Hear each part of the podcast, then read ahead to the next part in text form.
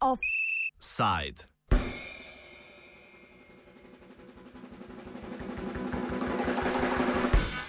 V državnem zboru je potekala predstavitev mnenja o spremembi ustave v delu, ki govori o volilnem sistemu in dveh z volilnim sistemom povezanima zakonoma. Z dvema zakonoma, ja, vgla. E, enega je predlagala skupina poslancev na čelu z nekdanjim poslancem Pozitivne Slovenije Janijem Möderndorferjem, drugega pa državljani zbranimi 5700 podpisi. Spisala pa ga je Zveza društev upokojencev Slovenije. Prvi je predlog, spre, je predlog spremembe ustave predstavil Branko Grims, poslanec Slovenske demokratske stranke, ki je v zadnjih dneh, ko so slovenskih politikov polna usta predčasnih volitev in njih datuma, tudi najbolj glasna v željah po uvedbi večinskega volilnega sistema. Za začetek poslušajmo, kako je Grims v nekaterih medijih razglašen tudi kot najbolj načitan in študiozen poslanec SDS, sicer pa magister politologije, analiziral polpreteklo volilno zgodovino. Slovenija se vedno znova sooča v zadnjih letih s cikličnimi krizami in s vse večjim nezaupanjem v institucije sistema. Zakaj je temu tako? Izkušnje ljudi so pač take, kot so. E, poglejmo samo primer eh, tega mandata. Najprej so, ali pa nekaj mandatov skupaj, da bo bolj e, jasna slika. Ljudje so dolga leta volili LDS v dobri veri, da bo to stranka, ki bo poskrbela za razvoj slovenskega gospodarstva. Potem so prepoznali stranko kot skorumpirano in jo odslovili iz parlamenta in so volili za res. In presenečeni po volitvah ugotovili, da so dobili točno isti eh, LDS nazaj, samo s nekaj spremenjenimi obrazi na čelu in so rekli adijo za res, ker si skorumpiran in so volili pozitivno Slovenijo zaradi podobe Zorana Jankoviča kot uspešnega gospodarstvenika. In potem po letu dni dobijo na mesto tega gospod Alenko Bratušek, no pa točno tisti za res in LDS, ki so ga pri tem že dvakrat vrgli ven iz parlamenta. Kaj ti, gospod Alenka Bratušek, kot veste, je bila svetnica za res v Kranju, predtem pa tudi pri LDS. Skratka, karkoli ljudje volijo, dobijo na koncu eno in isto. In rezultat tega je, da je njihov vtis, da sploh ni važno, kaj se dogaja, da je vse prepuščeno po volilnim kravjim kupčijam eh, pač eh, elit političnih strank. SDS na čelu z Grimsom, ki se z volivnimi sistemi ukvarja tudi znanstveno, kot odgovor na to, da ljudje volijo in vedno izvolijo isto, predlaga uvedbo večinskega volivnega sistema. Tisto, kar je odgovor na to, je dvokrožni večinski volilni sistem, ki so ga ljudje na referendumih že enkrat potrdili. Bili so tri referendumi, ki so se pač protiustavno, kar je odločilo ustavno sodišče, namerno preračunavali kot eden, da ne bi bil jasen izid. Pa kljub temu je bilo sporočilo kristalno jasno. Daleč največ ljudi je podprlo dvokrožni večinski volilni sistem. In da je ta odločitev tudi pravno veljavna in zavezojoča, je kasneje odločilo tudi ustavno sodišče. Zakaj so se ljudje tako odločili? Zaradi tega, ker ljudje pač želijo sistem, ki bo jasen, pregleden in razumljiv. Ljudje točno vedo, kako volimo župane, kako volimo predsednika države. Želijo imeti sistem, v katerem bodo vsi deli Slovenije enakopravno zastopani v slovenskem parlamentu. Odgovor na to je samo dvokrožni večinski volilni sistem.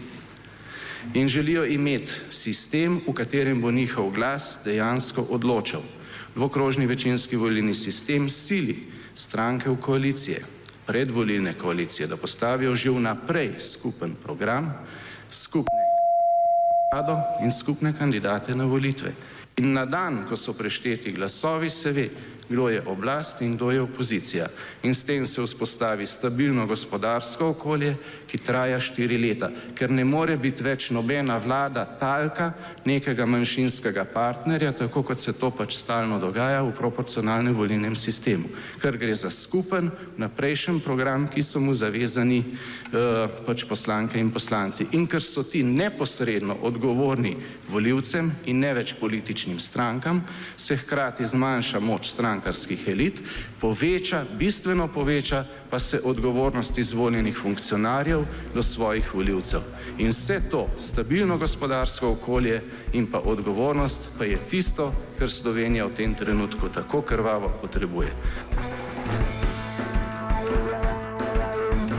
Omenjeni predlog za spremembo zakona o volitvah v državni zbor, ki je nastal pod okriljem SDU-sa in predvideva kombiniran volivni sistem, je predstavil Ivan Kristan. Najprej o ciljih sprememb.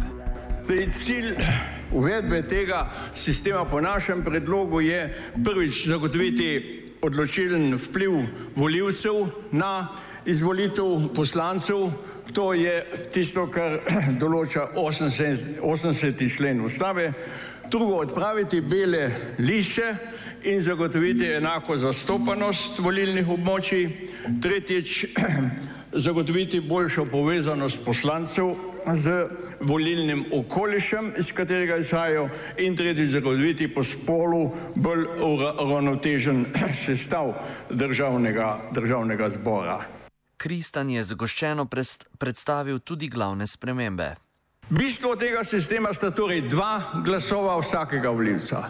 Volilec s prvim glasom izbira svojega poslanca v volilnem okolišu kot osebnost, nekoga, ki je v okolju priljubljen, ki ga spoštujejo in tako naprej. Voli ga ne glede na politično barvo. Z drugim glasom pa poslanec se opredeli do političnih strank. Ali voli isto stranko s tem drugim glasom, kot je njegov poslanec, ali drugo stranko, ali pa nobene stranke. Ampak bistvo drugega glasu je, da se zagotovi potem sorazmerna zastopanost strank v državnem zboru. Lahko bi rekli, da ta sistem s tema dvema glasovoma v bistvu sledi 80. členu ustave, petem odstavku, ki, ki poudarja pravzaprav to, da imajo voljivci odločilno besedo pri dodelitvi mandatov tistih kandidatov, ki so bili izvoljeni. E, po dveh kanalih voljivci po našem predlogu e, e, odločajo o, večinsko oziroma dajo večin, podporo, podporo sestavi državnega zbora s prvim glasom, ko volijo svojega poslanca v 44 volilnih okrajih, ki je direktno izvoljen, z drugim glasom pa torej odločajo o politični strukturi državnega, državnega zbora. Kot zadnja je predlog zakona, ki so ga vložili poslanci, predstavila nekdanja pozitivka Maša Kocipr, ki je uskočila na mesto kolega Moderndorferja, ki na predstavitev ni utegnil priti. Kaj so torej značilnosti njihovega predloga? Ta sprememba zakona temelji na sedanjem zakonu o volitvah v državni zbor in je zamišljena tako, da po našem mnenju, po mnenju tistih, ki smo jo sopodpisali, predstavlja minimalni možni sporazum, za katerega menimo, da ga je v tem državnem zboru pri spreminjanju volilnega sistema mogoče doseči. Namreč, kot vidim, so tukaj sami poznani obrazi, ki se s to tematiko ukvarjajo že nekaj časa in kot vsi veste, je bilo v tem državnem zboru od osamosvojitve naprej že kar nekaj predlogov takšnih in drugačnih za spremembo volilnega sistema. Kot je bilo danes omenjeno, imeli smo že celo eh, referendume na to tematiko. Kakorkoli potrebne večine, dvotretinske večine, ki je potrebna tako za spremembo ustave kot za spremembo zakona, doslej ni bilo mogoče doseči in predlog, o katerem govorim, je izhajal prav iz tega stališča. Pri, pri nastanku je delno sodeloval tudi dr. Ude, ki ga uh, lepo pozdravljam da se poskusi, poskusi ponuditi tisti, tista sprememba, za katero obstajajo realne možnosti, da bi bila v državnem zboru tudi sprejeta. Prvi, prvi namen tega zakona je zlasti poenotiti zakonsko ureditev z ustavno ureditvijo, kjer ustavna ureditev v naši ustavi izredno sedaj določa, da mora biti volilni sistem zasnovan tako, da omogoča direktni vpliv voljivcev na izbiro kandidata za poslanca. Se pravi, ljudje bi že po ustavi naj imeli večji vpliv na to, kdo bo dejansko njihov predstavnik, ki, bi, ki bo izvoljen v parlament.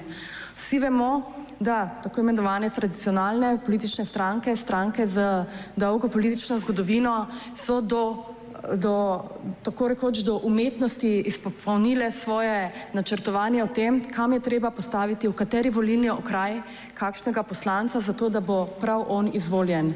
In zato se resnično dogaja to, kar je bilo danes že rečeno, da gledamo v tem parlamentu ene in iste obraze leta in leta in celo politika se običajno pri teh obrazih skozi leta ne spremeni.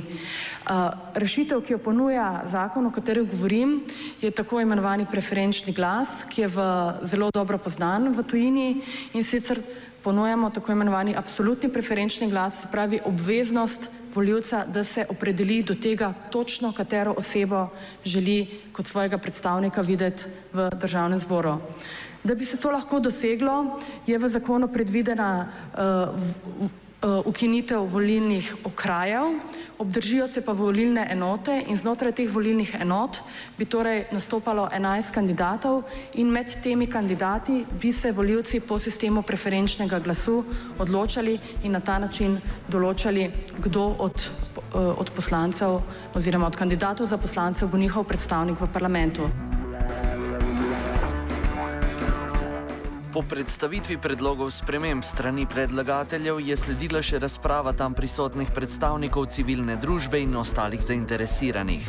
V veliki večini so podpirali predlog kombiniranega volivnega sistema, ki ga je s podpisi državljank in državljanov v parlamentarno proceduro že pred več kot letom spravil ZDUS.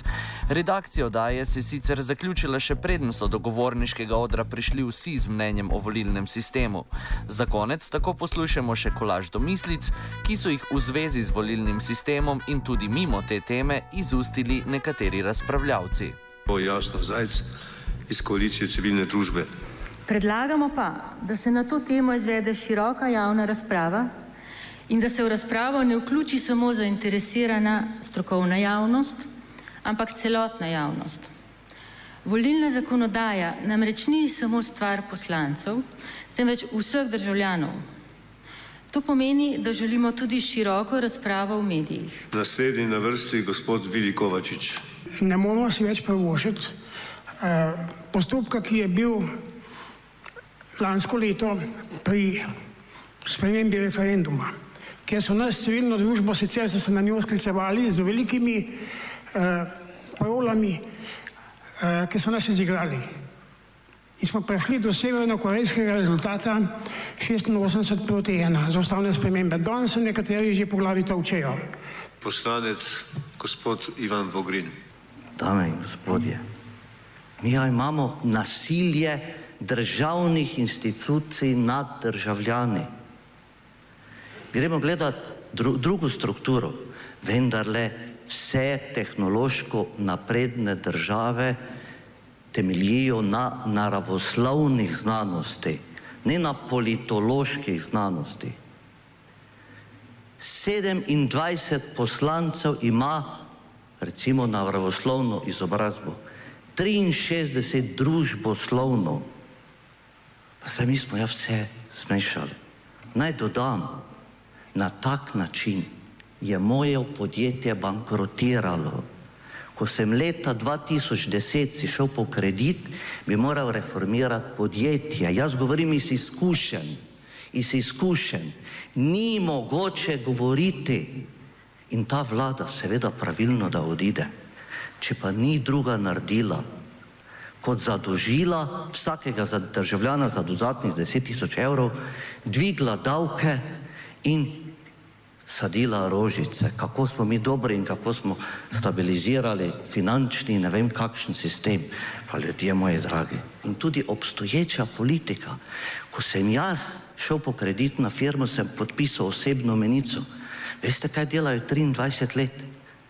Pripeljajo na rob bankrota in se poslovijo in se v drugi obliki pojavijo. Dokler ne bo osebne odgovornosti, parlamentarcev ne bo nič. Tukaj sedim v zadnjem sedežu in gledam naprej.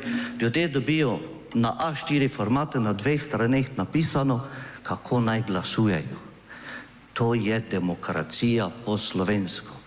Intelektualni in duhovni potencial, po mojih raziskavah, večina poslancev dosedanjih vseh parlamentov, tudi tega je takšen, da poprečnemu parlamentarcu in večini parlamentarcev od 90 veliki večini omogoča, da pride v državni zbor se najest, napit, pritisniti na tipko po naročilu nekoga drugega, prebrati to, kar mu napišejo in ne mi zameriti še, malo moraš biti vulgaren, da te kdo sliši, se posrati v parlament, ker je to zastojn.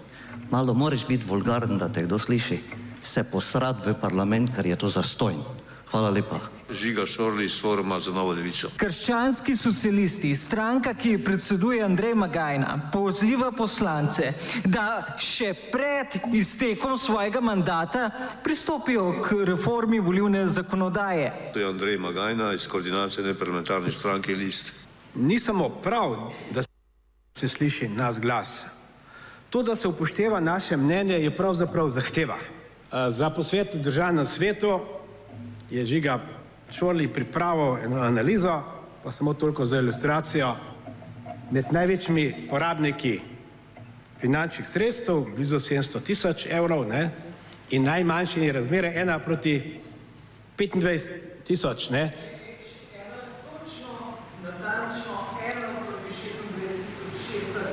Pa tudi, če odmislimo te stranke, ki so zgolj porabile sredstva za odprtje računa, pa zaprtje približno 40 evrov, ne, smo še zmeraj v razmerju ena proti deset tisoč, tako. Kako, kdor se spozna na ekonomijo, kako naj se zdaj nekdo uveljavi s takim denarjem, nekdo pa, ki ima deset tisoč enot več, ne. Offside je pripravil Jaša.